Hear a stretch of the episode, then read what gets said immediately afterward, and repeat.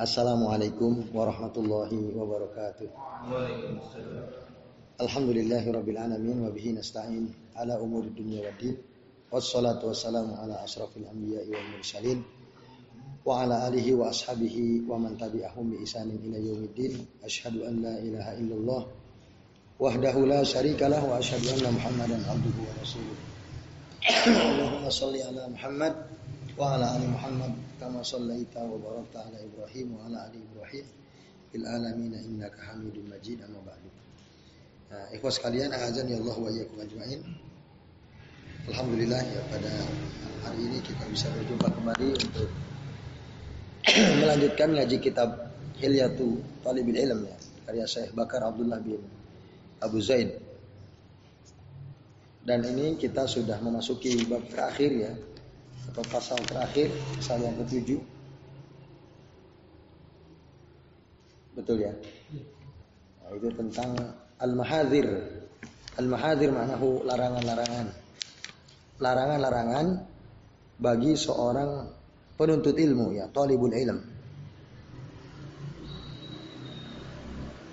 Jadi ada hal-hal yang penting untuk diperhatikan dan ini adalah larangan jangan sampai seorang talib melakukan beberapa perkara yang disebutkan dalam bab ini.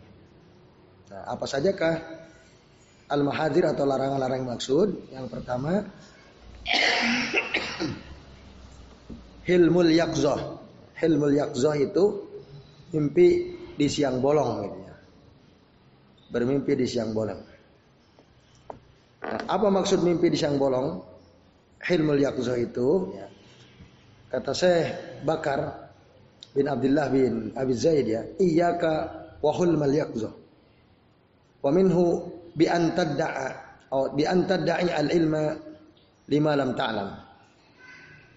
Jauhi olehmu mimpi di siang bolong yaitu nah, di antaranya adalah engkau mengaku punya ilmu padahal nggak tahu gitu ya. Jadi mimpi siang bolong itu antada'il ilma lima lam ta'lam. Oh, aku ngerti tentang usul fikih paham, saya paham. Saya tentang ulumul Quran saya paham betul itu gitu.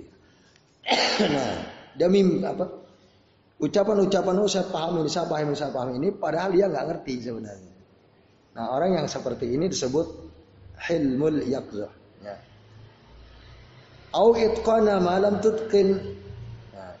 Atau engkau mengaku berilmu secara ya, mantap mungkin itu kokoh gitu ya itqana malam tutkin. Sementara sebenarnya ilmumu itu nggak kuat, nggak kokoh. Ya, contoh gini dalam bahasa mudahnya. ada orang hafal Quran, ada mutkin, ada guiru mutkin. Mutkin itu betul-betul dia hafal, diuji. Misalnya saya baca ayat, ditanya ini surah apa, ayat berapa, dia ngerti. Walaupun diacak, itu mutkin namanya. Nah, tapi kalau ada orang ngaku saya hafal Quran, kamu hafal 30 juz ya, saya hafal.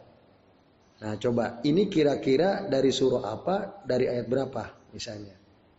Wa qalu law kunna nasma'u aw kunna fi ashabi sa'ir. Coba kamu jawab. Ini ayat berapa, surah apa? Orang yang hafalnya mungkin dia pasti bisa jawab. Oh, itu dari surah ini ayat sekian. Tapi yang nggak mungkin bingung dia. Nah, maka jangan mengaku menguasai satu ilmu padahal dia tidak menguasai. Nah, ini larangannya. Jangan sampai kita sebagai tolib, orang yang sedang menuntut ilmu ngaku-ngaku ngerti. Paham betul gitu. Di satu bidang ilmu padahal sebenarnya dia nggak ngerti. Atau mungkin dia tahu tapi tidak mungkin gitu. Nah ini berbahaya ya. Fa'in fa'anta fahuwa hijabun kasifun anil ilm. Kalau kamu melakukan perkara ini, yaitu tadi mimpi di siang bolong ini, maka apa yang terjadi? Nah, ini akan menjadi hijabun kasifun minal ilm. Akan menjadi penghalang yang sangat tebal dari ilmu. Artinya seorang toli penuntut ilmu yang ngaku-ngaku saya punya ilmu ini, saya, wah ini sudah saya kuasai, nah, saya sudah paham betul ini. orang yang begini ini dia akan terhalang untuk dapat ilmu karena dia pasang hijab, hijab kasih tadi ya. ini ya teman sekalian. Nah oleh karenanya kita sebagai tolib itu jangan pernah sekali-kali kita merasa menguasai satu ilmu tapi sebenarnya kita belum menguasai sama sekali. Merasa tahu padahal kita sebenarnya enggak enggak tahu gitu ya. Nah ini, nah ini ini bahayanya di mana tadi? Dia akan terhalang dapat ilmu karena dia membatasi dirinya dengan hijab yang sangat tebal itu. Dan biasanya nggak berkembang gitu ya. Orang yang ngaku-ngaku punya ilmu padahal nggak punya nggak punya ilmu, dia nggak akan berkembang dan pasti dia malas baca gitu. Oke itu yang pertama ya. Dilarang kita hilmul yaqzah sebagai talib. Yang kedua, ikhwas sekalian, azan ya Allah wa ajmain. Ya. Yang dilarang dilakukan oleh seorang talib adalah ya ihzar antakuna abashibrin. Jangan menjadi Abu Shibr. Abu Shibr. Apa itu Abu Shibrin? Shibrun itu sendiri artinya jengkal. Jangan jadi Abu Shibrin itu. Nah, mari kita baca. Ya, disebutkan dari para ulama, Fakod Kil, Al ilmu asbarin. Jadi ilmu itu ya, memiliki tiga jengkal kata saya Bakar bin Abdullah Abi Zaid. Al ilmu salah satu asbarin. Ilmu itu ada tiga nyekal. Man dakhala fi syibril awwali takabbara. Barang siapa yang masuk jengkal pertama biasanya dia akan sombong. Jadi orang baru belajar, baru belajar itu biasanya sombong dia, so tahu macam-macam lah dia. Nah itu. Maka Gampang ya untuk mengetahui seseorang itu ilmunya lapang apa cetek itu lihat aja dia. Oh dia pongah sombong itu berarti dia baru belajar. Nah, itu. Jadi dia masuk baru masuk satu jengkal dia udah sombong. Dakhala fi sibril awal takabbar. dia ngerasa dirinya udah tahu banyak gitu ya. Padahal sebenarnya baru permukaan gitu, dia tahu baru permukaan. Nah ini hati-hati ya ini Abu Shibr. Yang kedua, waman tak waman dakhala sani barang siapa yang memasuki jengkal yang kedua tawadhu'a. Dia tawadhu. Nah, tawadhu. Orang tawadhu itu adalah orang yang rendah hati ya. Tapi dia merasa punya ilmu gitu. Jadi dia udah belajar mungkin cukup lama. Kalau tadi baru belajar setahun, mau dia udah tahu banyak. Padahal dia baru belajar setahun. Sombong. Yang kedua ini mungkin dia udah belajar dua tahun. Ilmunya jelas lebih banyak daripada yang belajar satu tahun tadi, yang sombong. Oleh karenanya dia kemudian bersikap tawadhu. Tapi dia ngerasa bahwa dia tahu gitu. Bahwa dia tahu. Tawadu itu lakinnya ronaf sahu aliman summa tawadu'a. dia melihat dirinya tahu tapi dia tawadu. Nah, itu jengkal yang kedua. Nah, yang ketiga, waman dahola bisibris salis Barang siapa yang memasuki jengkal yang ketiga, tahap berikutnya alima annahu ma ya'lam. Dia paham betul bahwa dirinya ini tidak punya ilmu. Gitu. Nah, ini tingkatan tertinggi ini dalam ilmu ya. Jadi orang apa? semakin dia merasa tidak tahu, sebenarnya dia semakin berilmu. Ya kan? Karena dia akan terus membuka dirinya, dia akan terus belajar, dia akan terus mendengarkan. Karena dia ngerasa ilmu saya yang ada, saya nggak punya ilmu. Nah, kalau orang yang kedua tawadu dia, dia ngerasa punya ilmu. Kadang-kadang dia nggak mau belajar lagi, karena dia udah ngerasa tahu kan, saya udah ngerasa punya ilmu. Tapi yang paling parah adalah orang yang baru saja belajar satu tahun, ngerasa sudah menguasai semuanya. Lalu dia sombong sama orangnya. Nah, itu yang disebut Abu Shibrin. Abu Shibrin itu itu. Nah. Maka lewat sekalian azan ya Allah wa ajmain. Lalu ada pertanyaan, mana sikap terbaik di antara tiga sikap ini? Sombong, tawadu, atau ngerasa bahwa kita nggak tahu? Nah ini ya. Maka perlu diperhatikan, ya, kalau kita termasuk bagian yang ketiga tadi, bahwa kita ngerasa kita ini nggak punya ilmu, kita ini bodoh. Nah, akhirnya karena kita ngerasa tidak punya ilmu, ya,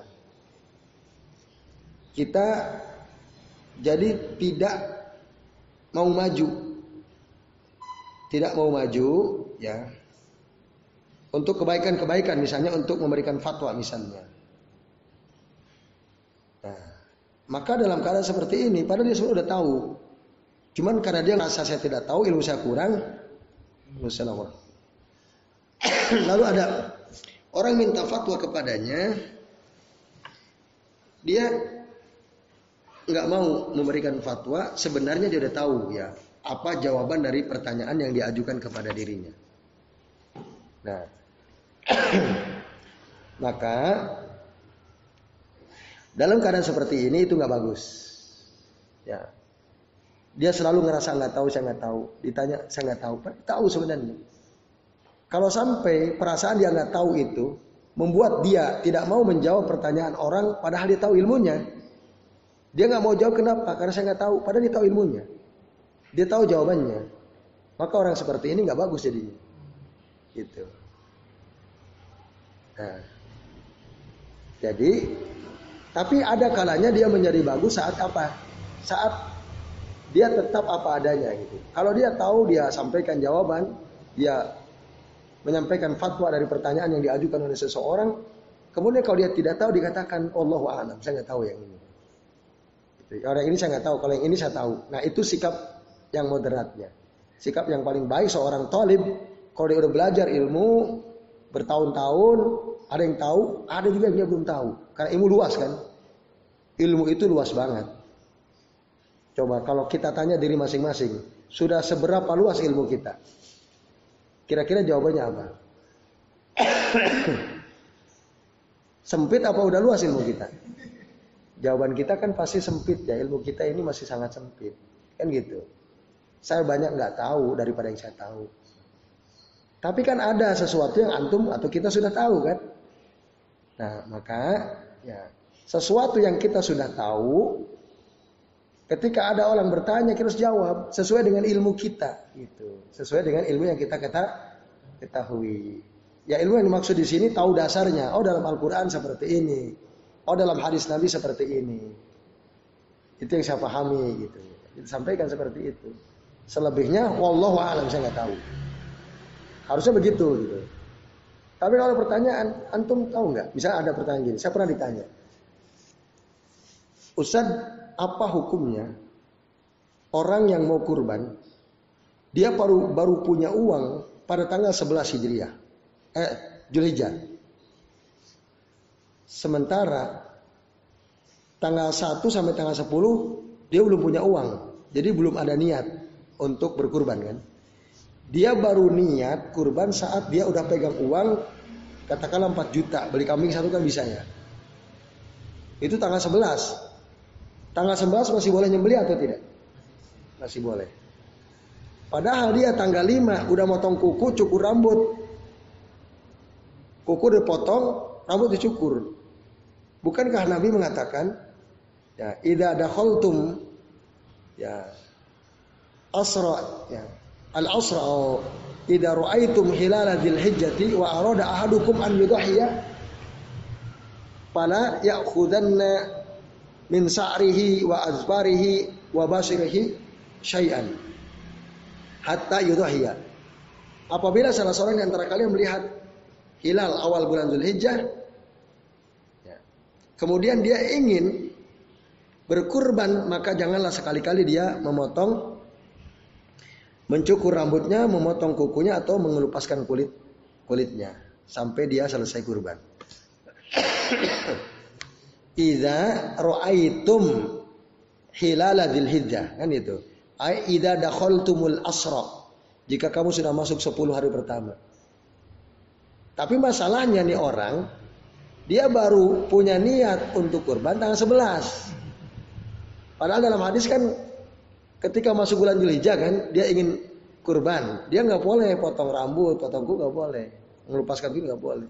Ini tanggal 5 karena dia belum ada niat. Dia tuh potong rambut dia, dia cukur rambut dia.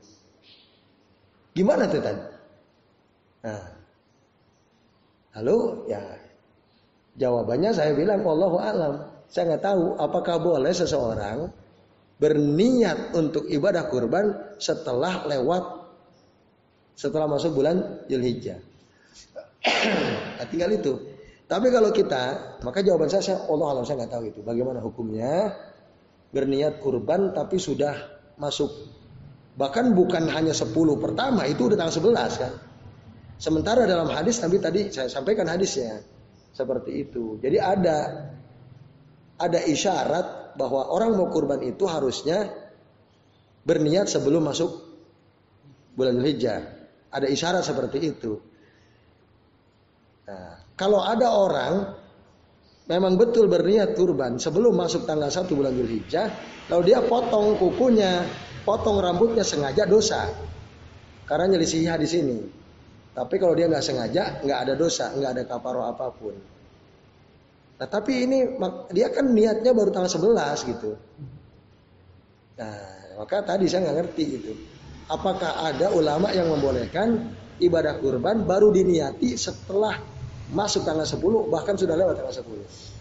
Seandainya seandainya itu boleh misalnya saya saya nggak tahu, saya juga nggak tahu. Allah a'lam. Maka seandainya itu boleh nggak ada masalah. Motong seandainya ya, ini baru seandainya. Tapi jawaban pastinya saya nggak tahu Allah a'lam. Udah gitu. Itu contoh ya. Kadang-kadang kan pertanyaan itu di luar dugaan kan. Kayak gitu itu kan jarang orang nanya kayak gitu kan. Tapi ternyata betul ada orang nanya seperti itu gitu.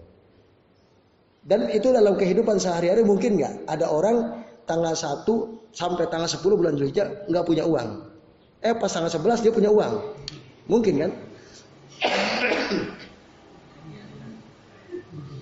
Nah, dalam kehidupan itu mungkin gitu, dalam kehidupan sehari-hari. Nah, tapi tadi saya bilang wallahu alam, saya belum pernah mendapatkan penjelasan yang seperti itu.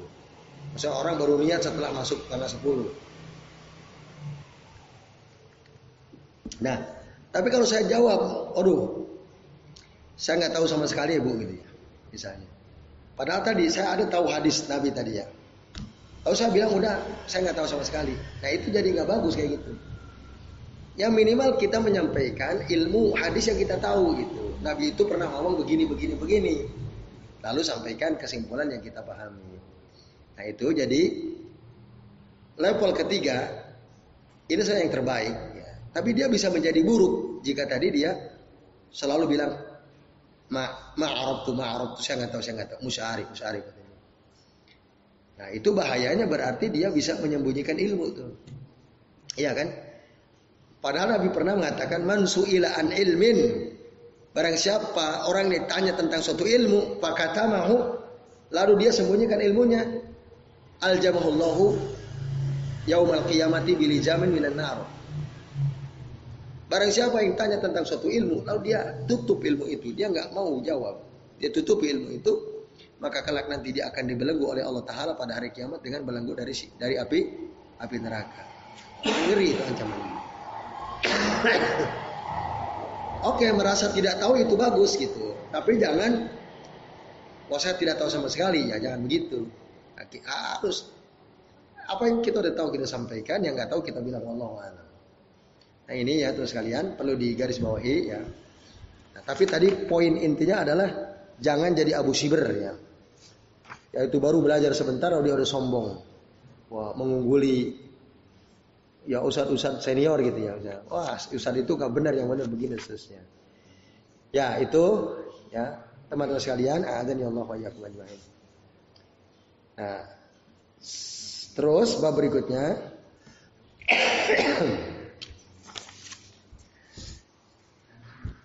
Di antara larangan yang tidak boleh dilakukan adalah at-tasadduru qabla ta'ahuli. At-tasaddur qabla ta'ahul. Artinya apa? Kita menampilkan diri kita, ingin tampil paling depan, ingin tampil depan orang banyak, sementara kita belum menguasai ilmu. Nah ini bahaya juga.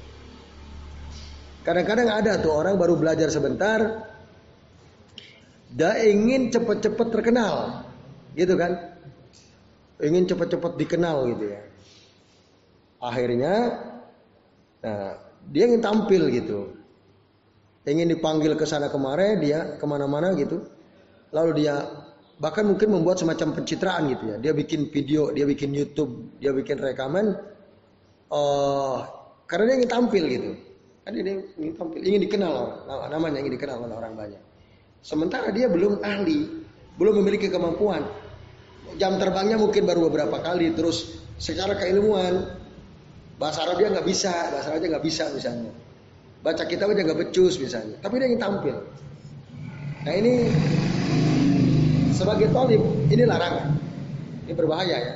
Kalau ada orang ingin tampil sementara dia belum menjadi ahli ini sangat berbahaya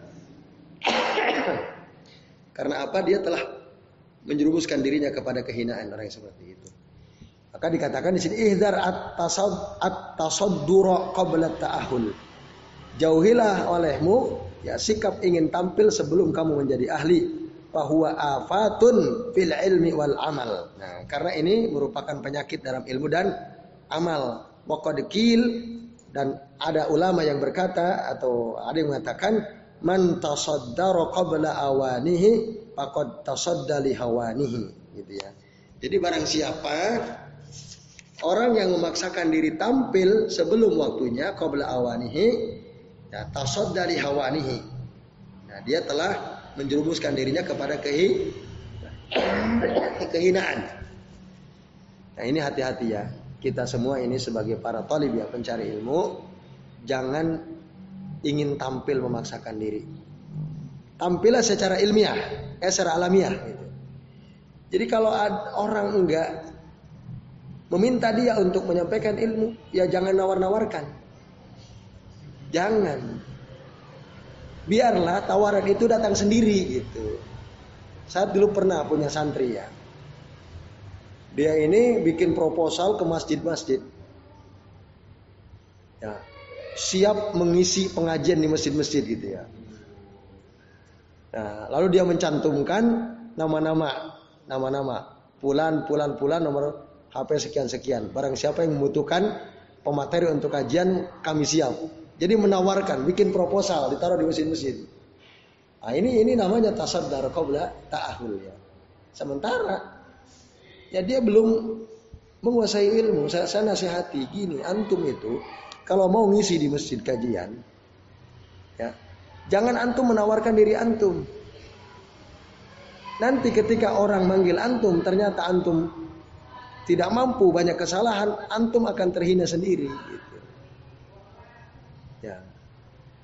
Kalau antum ingin, antum kuasai ilmu, nanti dengan sendirinya orang akan cari antum. Kan gitu. Orang akan cari antum. Nggak usah antum bikin proposal nawarkan ke masjid-masjid. Nah itu namanya sikap tasodur qabla ta'ahul. Tasodur qabla ta'ahul. Jadi nggak matang itu. Dan itu sebenarnya dia sedang menghinakan dirinya sendiri. Gitu ya. Nah ini ya ikhwas sekalian, azan ya Allah wa Termasuk nama saya dicantumkan juga, saya bilang jangan nama saya. Dihapus saja nama saya itu ya. Antum nggak usah cantumkan nama saya. Ya. Kayak apa aja proposal nawarin ngisi pengajian. Nggak perlu saya bilang. Nah, maksud saya mungkin dia ingin menambah bobot dia dan teman-teman gitu ya. Nah, jadi ditawarkan bahwa kami selevel sama gitu kan. Nah, ini ini kan bahaya kayak gitu itu.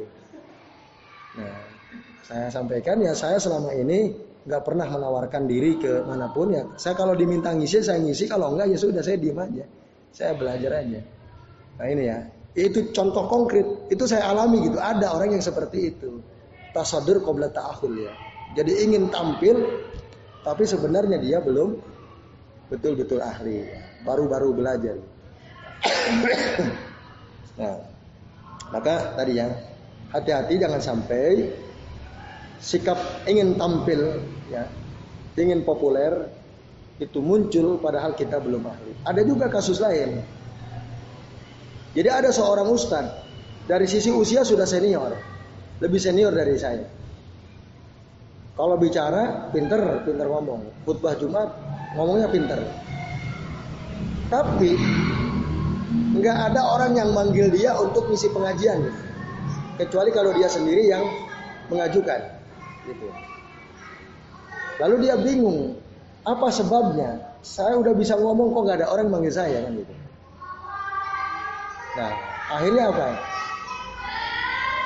dia ada orang ngomong ke dia Pak Ustadz kalau antum ingin terkenal ingin dipanggil orang-orang ada dukun yang bisa memberi antum ya pengasihan gitu ya.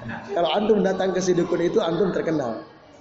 Nah ini Ustad akhirnya ngikut omongan orang itu. Datang dia ke dukun tujuannya supaya terkenal.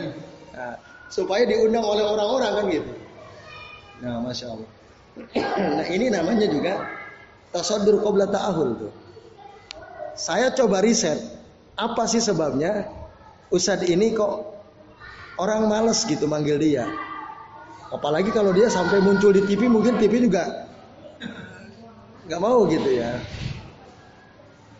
Usut punya usut ternyata yang saya dapatkan informasinya dari masyarakat ya dari jamaah itu dia itu kalau ngisi ya itu itu aja nggak pernah berkembang jadi nggak pernah memperluas wawasan itu masalahnya yang dikaji ya kitabnya itu itu terus suruh ngajarin kita lain nggak bisa gitu. Nah itu masalahnya. Jadi nggak ada penambahan ilmu. Itu masyarakat menyampaikan seperti itu ya. Jadi sebenarnya tinggal dia mau baca itu aja. Kalau dia belum, nah saya tahu dia belum bisa bahasa Arab. nah harusnya dia perkuat ilmu alatnya. Dia perkuat bahasa Arabnya dengan bahasa Arab dia mampu, dia bisa baca banyak kitab kan. Nikmat dia baca kitab, dia bisa menyampaikan. Nah, itu. Nah, itu itu contoh lain ya. Jadi ada atas sadur, tasadur qabla ta'hud. Contohnya lagi seperti itu. Nah, maka ini tantangannya. Jangan sampai itu terjadi. Nah, kemudian bahaya orang yang ingin tampil sebelum menjadi ahli ya. Padahal dia belum menguasai ilmu, dia ingin, ingin tampil nanti dia akan ujub kena penyakit ujub. Ujub itu bangga dengan dirinya. Bahwa yaro anna nafsahu alamul a'lam. Dia memandang dirinya ini orang yang ilmunya udah luas gitu ya. A'lamul a'lam. Itu ya. Alamul a'lam. Atau mungkin dia bahkan mengatakan dirinya al-alama. Orang yang ilmunya lapang luas gitu ya. Nah ini kan ujub. Bahaya sekali ya. Padahal dia belum ahli gitu ya. Nah, baru bisa baca buku terjemah gitu ya. Lalu pas ngomong ke orang-orang wah saya sudah wah udah ilmu saya udah luas gitu ya. Itu jadi ujub, itu bahaya. Yang kedua, orang yang ingin tampil sebelum waktunya, ada dia belum pantas tampil, tapi dia ingin tampil. Nah ini menunjukkan ala adami tafaqquhihi fid din atau ala adami fiqhihi wa ma'rifatihi bil umur. Menunjukkan kalau dia itu nggak paham. Banyak hal dia nggak paham. Nah itu. Maka karena dia nggak paham ya dia maju aja dia. Gitu. Nah ini bahaya kalau dia tadi ingin tampil sebelum menguasai ilmu. Yang ketiga, In innahu idza tasaddara qabla ayyata'ahala lazimahu an yaqula 'ala Allahi ma la ya'lam. Ini bahaya lagi. Ya. Masalah yang ketiga kalau ada orang ingin tampil sementara dia belum ahli, belum menguasai ilmu, tapi dia ingin banget tampil, nanti dia akan mengatakan sesuatu atas nama Allah tanpa ilmu. Nah, ini. Dia akan mengatakan sesuatu atas nama Allah tanpa il, ilmu atau atas nama Rasul tanpa il, ilmu. Contohnya ada orang bertanya tentang suatu hukum. Ya. Padahal dia nggak tahu dalilnya, baik dari Al-Quran maupun dari Sunnah Rasulullah SAW. Lalu dia berfatwa gitu. Berfatwa dengan mengatakan kata Nabi boleh, kan gitu. Udah gitu aja. Hadisnya gimana? Mbak orang ngerti ya. Dia nggak nggak paham. Harusnya ketika dia dia bilang kata Nabi tidak apa-apa. Dalilnya mana? Kalau Nabi SAW begini begini begini. Nah dari sini maka kita sebut nggak. Ini dia hanya dia bilang ini nggak masalah, boleh ini. Dalam Al-Quran boleh, dalam hadis boleh. Pas kita tanya dalilnya mana, bingung. Nah ini bahaya. Berarti dia berkata atas nama Allah, atas nama Rasul tanpa ilmu. Itu bahaya orang yang ingin tampil. Padahal belum punya ilmu kan gitu. Dia kan inginnya dipandang hebat oleh orang. Semua pertanyaan dia bisa jawab kan. Kalau dia sampai berani jawab, ya ini boleh. Allah bilang boleh, Rasul bilang boleh. Dalam Al-Quran ada, dalam hadis ada. Dican, dalilnya mana? Ya nggak ngerti gitu ya. Itu bahaya. Yang keempat, Andal insana idza tasaddara fa innahu fil ghalibi la yaqbalu al haqq. Sesungguhnya seseorang itu jika dia ingin tampil kelihatan di depan orang, ingin tampil di depan, pada umumnya orang seperti ini dia sulit menerima kebenaran. Ya, annahu ya fil ghalibi la yaqbalu al haqq. Ya kalau kita nasihati nggak masuk gitu, karena dia ngerasa dia udah punya ilmu gitu. Padahal sebenarnya tidak. Ya. Baik, itu. Nah, satu lagi ya, ya sekalian.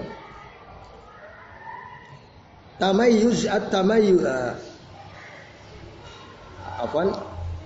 At tanammaru ya at tanammaru bil ilm. Tanammur itu maksudnya pamer ya, pamer ilmu. Tanammuru bil ilm. Nah, maka kata Sebakar, ihdar ma yatasalla bihil muflisuna minal ilm. Yuraji'u mas'alatan aw mas'alatain fa idza kana fi majlisin fihi man yusaru ilaihi. Asarul bahsa fihi ma liyudhhira ilmahu. Hati-hatilah ya, atau hindarilah ya. Ma yatasalla diartikannya hiburan, sesuatu yang lucu maksudnya. Sesuatu yang lucu dilakukan oleh orang-orang yang tidak punya ilmu. Memang kadang-kadang orang yang tidak punya ilmu itu lucu gitu. Dia merasa sok tahu gitu ya. Misalnya pada kasus sholat Idul Fitri kemarin, ada orang kan mencela orang yang sholat di lapangan, ya kan? Lu sholat kok di lapangan, masih ingat gak? Namanya sholat itu yang di masjid. Wih dasar nih orang nggak ngerti ilmu kan gitu dia. Padahal yang nggak ngerti ilmu, dia apa orang yang sholat di lapangan? Dia yang namanya sholat id itu Rasulullah di lapangan. Makanya lucu tuh orang yang nggak berilmu, dia pamer ilmu itu jadi lucu.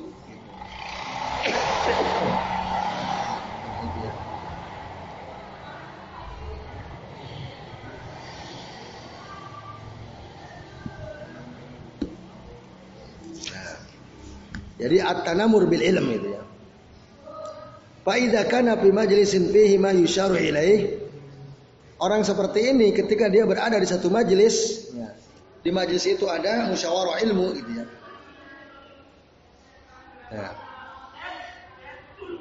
Dan di dalamnya ada orang yang disegani gitu ya. Man yusaru ilaih atau dianggap orang berilmu. Athara al-bahsa fihima yang didahulukan ya untuk membahas dalam satu dua persoalan. Nah, kemudian orang tadi, orang yang pamer ilmu ini, nah, dia akan memancing situasi sehingga dia akan liudhir ilmahu, liudhira ilmahu. Dia ingin memamerkan ilmunya. Sebenarnya di majlis itu ada orang berilmu. Nah, ketika berdiskusi membahas satu dua persoalan, dia sengaja banyak ngomong, banyak bicara, ya banyak menyampaikan sesuatu gitu ya. Supaya apa? Supaya orang menganggap dia orang ber, berilmu. Nah, Padahal di situ ada orang-orang berilmu gitu, tapi dia langsung ambil inisiatif duluan ngomong. Gitu. Nah, orang yang seperti ini masuk kategori at-tanamur bil ilm. Orang yang pamer il, ilmu. Wa kam min hada min sawatin aqalluha ay ya'lama anna nasa ya'lamuna haqiqatahu. Ya. Jadi betapa banyak ya dalam keadaan orang seperti ini ya dia terjerembab kepada keburukan. Jadi orang seperti ini pamer ilmu itu dia akhirnya terbongkarlah aibnya gitu ya ketahuan aibnya. Minimal orang jadi tahu hakikat orang tersebut. Contoh ya, ada orang dia ingin pamer ilmunya. Lalu dia mengatakan, mengutip ayat Al-Quran, bahwasannya Allah menghalalkan ya makanan yang ada di bumi itu ya dihalalkan oleh Allah Subhanahu wa taala untuk kalian. Kecuali yang haramkan gitu ya. Nah, jadi maka saya senang bersyukur gitu kepada orang yang jual daging babi lalu dia bilang non halal gitu ya kata dia. Bagus. Lalu dia ngomong rendang apa agama apa rendang sejak kapan rendang punya agama? kan itu. Ada kan orang ngomong begitu itu ya. Nah, dia ingin tampil gitu ingin dibilang hebat. Dia awalnya ngutip ayat Al-Quran gitu Lalu kemudian dia ngomong bahwa apa rendang punya agama sejak kapan rendang punya agama kan itu. Nah, tentang konflik polemik orang semua protes ketika ada orang jual nasi padang babi, babi ya waktu itu ya. Nah, itu kan orang jadi ngerti oh ternyata dia ini orang orang jahil gitu, dia orang bodoh kan gitu. Kasus sebelumnya misalnya ya. Tentang apa waktu itu ya? Yang dia membaca kitab gitu ya mengutip atau baca kitab gitu ya. Tapi keliru bacaannya kan? Nah, orang kan rame tuh mengkritik dia oh ternyata ilmunya cetek banget gitu ya. Nah itu kan? Itu. Jadi orang itu ya ingin menampilkan dirinya supaya terkenal apalagi di, punya tim dicitrakan gitu ya. Padahal dia belum ahli orang akhirnya akan tetap memandang dia sebagai orang yang nggak berilmu, hanya pinter bacot kok gitu. Gitu. Maka ketika ada orang nawarin, tad apa kayak dia aja tan, kita blow up gitu, usah kita bikin tim pakai gitu, saya bilang nggak boleh ya, nggak mau ya. Nanti kalau ya tadi khawatirnya kalau apalagi direkayasa gitu ya, biar berjalan alami saja. Biar berjalan alami. Kalau kita belum siap ya jangan. Gitu ya. Karena bahaya nanti. nah itu ya teman sekalian. Nah, ada yang memang usad itu dia secara alami muncul. Itu adalah takdir dari Allah Taala. Gitu. Jadi kemunculan diri kita itu jangan dibuat-buat intinya. Itu berjalan alami saja. Yang penting kita ikhlas menyampaikan ilmu. Ya itu nanti ada orang yang ilmunya dalam tapi nggak muncul. Banyak nggak ya kayak gitu? Banyak banget. Memang Allah tidak takdirkan demikian. Nah, jadi kehebatan seseorang itu bukan dilihat karena dia terkenal atau tidak terkenalnya. Masuk TV atau tidak masuk TV-nya. Bukan dilihat dari situ. Tapi seberapa jauh manfaat yang bisa dia berikan kepada orang. Nah di situlah timbangan nilai kebaikan seseorang di sisi Allah Subhanahu Wa Taala. Ngapain muncul dikenal oleh orang hasil survei nomor sekian? Kan ada kan hasil survei. Kalau antum ikuti berita itu. Tapi di mata masyarakat ini orang receh gitu. Walaupun hasil survei katanya nomor sekian gitu ya. Paling populer di Indonesia. Tapi di depan orang receh. Percuma gitu. Ya itu ya. Maka jangan pamer ya. Kepandaian jangan pamer ilmu. Ya, kayak gitu itu nanti dia akan menyesali nasibnya sendiri ya kalau dia sadar gitu ya. Nah, tapi ini banyak terjadi memang pada orang-orang ya. Nah, semoga kita tidak termasuk. Jadi jangan sampai teman-teman sekalian ya kita ya kalau pamer yang lain sih masih oke okay lah. Kalau pamer ilmu bahaya sekali ya. Tapi sebenarnya namanya pamer apa pun nggak boleh ya. Nah sebenarnya Termasuk ingin viral itu kan bahaya juga itu ingin viral ya. ya buat konten ingin viral gitu ya. Apalagi viralnya ingin dikenal sebagai seorang alim gitu, orang berilmu. Nah ini bahaya. bahaya. Oke. Jadi at-tanamur bil ilm ini haram. ya. Baik teman-teman sekalian, ya. Itu beberapa perkara penting ya yang saya kira bisa kita bahas ya pada kesempatan malam hari ini. Jadi sampai poin yang ke-60 eh berapa? Ke-50 berapa? 57 ya. 57 ini dulu ya sementara. Nah, nanti silakan kita perdalam dengan tanya jawab ya. Jika ada yang mau ditanyakan kami persilahkan. Ya.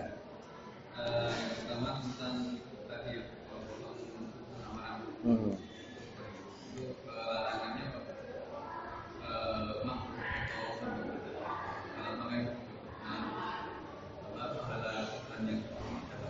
Iya.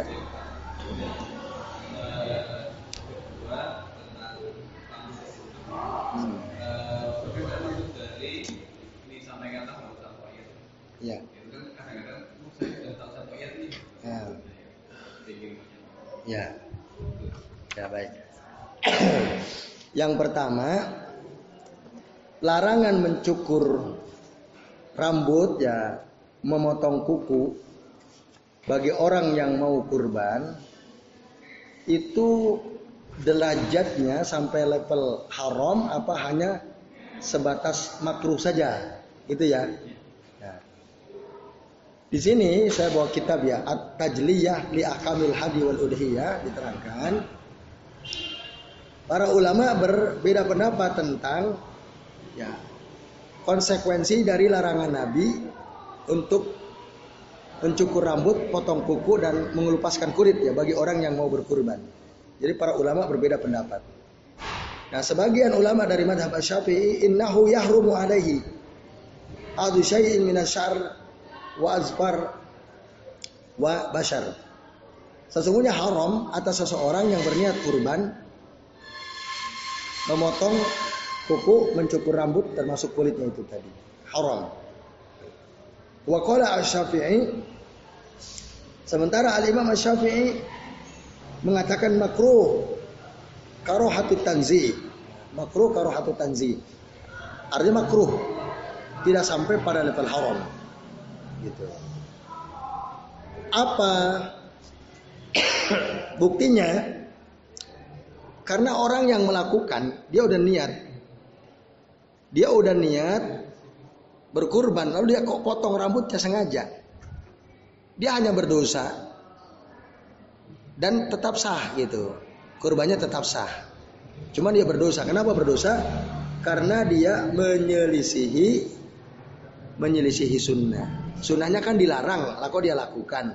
Oleh karena jadi asimun, dia asim dia berdosa. Wala kafaratalahu wala kafaratalahu. Tidak ada kafarah untuknya wa tasihu urhiyatuhu dan kurbannya tetap sah. Gitu. Hanya saja dia apa menyelisihi sun sunnah yang harusnya. Nah, nah kalau dia belum tahu maka dia tidak berdosa gitu. Berdasarkan hadis Nabi Inna Allah tajawaza li an ummati al khata wa nisyanu wa mastukrihu alaih sesungguhnya Allah mengampuni dosa umatku karena dia tidak tahu atau karena dia lupa atau karena dia terpaksa nah lupa itu sebenarnya dia tahu ya nggak boleh Eh pas tanggal 2 dia lupa. Gatal banget kumisnya, dia potong kumisnya. Nah, astagfirullahaladzim. Saya kan mau niat kurban, kau potong kumis, nah, itu nggak masalah. Ya, nggak. Nah, masa sebelah gitu kan nggak enak ya. Nah itu dalam keadaan seperti itu maka tidak berdosa gitu ya.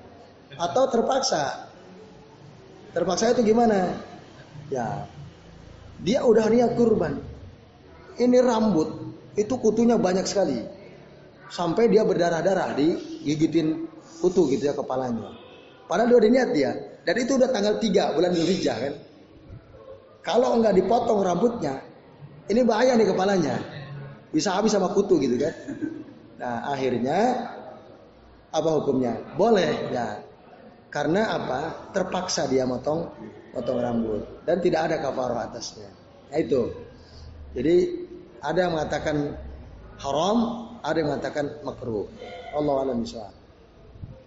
Nah, kemudian yang kedua at-tasadur qabla ta'ahul tadi ya. Atau tanamur bil ilm itu ya, pamer ilmu tadi ya. Bagaimana lalu ketika kita akan menyampaikan suatu ilmu ya, kita tahu gitu, kita ingin menyampaikan ilmu. Bukankah Nabi pernah berkata, ah, baligu anni walau ayah, sampaikanlah dariku meskipun satu satu ayat. Orang yang ingin menyampaikan ilmu karena dorongan hadis dengan orang yang ingin menyampaikan ilmu karena pamer itu beda. Zauknya pasti beda, keterimanya beda gitu. Nah itu, jadi nggak masalah. Memang harus begitu. Antum dapat hadis tentang apa? Oh ini penting nih.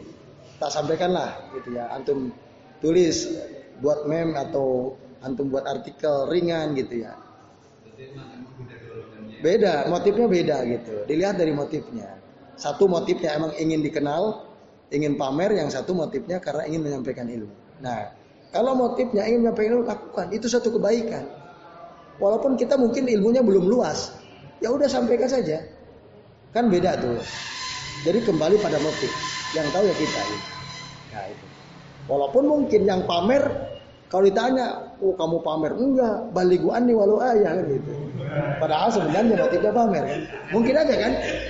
Iya. Nah, mungkin saja itu. Jadi kembali kepada motif tadi ya. belum ahli itu kan nanti tidak ada berkembang kan akhirnya ilmu nggak tersampaikan kan? Ya itu. Nah itu itu kaitannya dengan atas sodur qobla ta'ahul tadi ya. Uh, itu juga sama. Jadi tadi kan jangan ingin menampilkan diri sebelum menjadi ahli. Kalau gitu jadi ahli lama banget gitu kan. Kapan saya bisa menyampaikan ilmu saya? Kan gitu.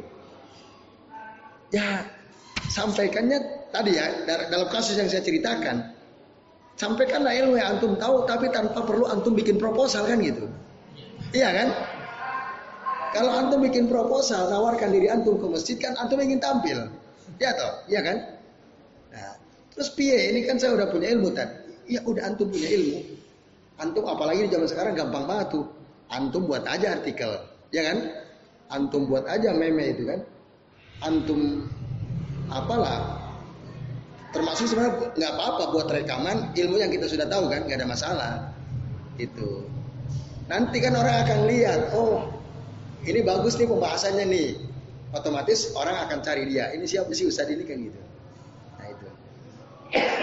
Tapi tadi niatnya jangan sampai ingin tampilnya itu. Nah niatnya ingin baligu ani walau ayah tadi. Ya betul sekali itu Mas Abri jadi kalau kalau teorinya begitu, ya kapan kita bisa menyampaikan ilmunya? Nunggu kita ahli kan? Jadi tadi itu ya, yang yang dilarang bukan menyampaikan ilmunya sebenarnya, tadi ingin tampilnya atau pamer ilmunya itu yang dilarang. Kalau menyampaikan ilmu tidak ada yang dilarang, bahkan itu satu keharusan. Ya, kita ini dapat ilmu harus disampaikan minimal kepada orang terdekat kita kan. J itu. Wallahu a'lam Masih ada yang lain? Cukup? Ya alhamdulillah. Nah, teman sekalian, hari Rabu depan itu nampaknya saya harus pamit ini. Karena istri dan anak-anak saya kan mudik nih ke Kudus. Saya bilang nanti tak jemput hari Rabu depan gitu. Nah, kemungkinan saya Rabu pagi ke Kudus, Kamis pagi balik lagi. Insya Allah Jumat sudah ada di Jogja lagi. Hanya untuk jemput istri sama anak-anak. Itu ya. Karena Jumat itu paginya saya libur. Berangkatnya biasa jam setengah delapan. Oke gitu ya pemberitahuan. Dari sekarang. Selebihnya nanti berjalan seperti biasa. Insya Allah ini apa? Tinggal beberapa halaman ya. Udah mau selesai. Ya nanti kita bahas lah berikutnya gimana. ya. Sementara itu teman-teman sekalian, termasuk mungkin kita evaluasi waktu ya. Seperti tadi kayak tadi Pak Nasir, Pak Haris tadi sampai jam berapa? Ya jam 10, jam setengah 11 lah. Waduh kemalaman gitu. Ada tadi bareng saya tadi, tadi ikut kajian di sana. Ya mungkin nanti kita bisa evaluasi dari sisi waktu ya. Terus mungkin kitab juga nanti uh, saya rasa selain waktu juga mungkin materi kita bagi sebagian orang apa ya uh, secara pragmatis tidak langsung bisa dirasakan ya manfaat ilmu ini kan secara pragmatis loh. Beda dengan misalnya yang kemarin kita bahas ya, Fadul Islam misalnya kan pasti berbeda kan. Nah, tapi sebenarnya ilmu kayak gini penting gitu, terutama bagi bagi kita ya orang yang sedang tolabul ilm ya, mencari ilmu. Oke, saya kira itu nanti ke depan uh, apakah kajiannya masih berlanjut terus kalau iya nanti kita akan bahas kitab apa kan begitu ya. Nah, terus soal waktu nanti ya mungkin kita perbaiki lebih awal insya Allah. Ya, karena insya Allah ini mungkin satu dua tiga pertemuan sudah selesai ini. Ya. Oke, sementara itu terima kasih ya terus kalian. Azan ya Allah wa main. Semoga bermanfaat. Ya, selebihnya saya mohon maaf jika apa yang kami sampaikan ada kesalahan. Mari kita akhiri dengan baca al-afan. Nanti diakhiri oleh Mas Apri ya selaku acara. Saya akhiri. Wassalamualaikum ala Muhammadin Billahi taufiq wal hidayah. Wassalamualaikum warahmatullahi wabarakatuh.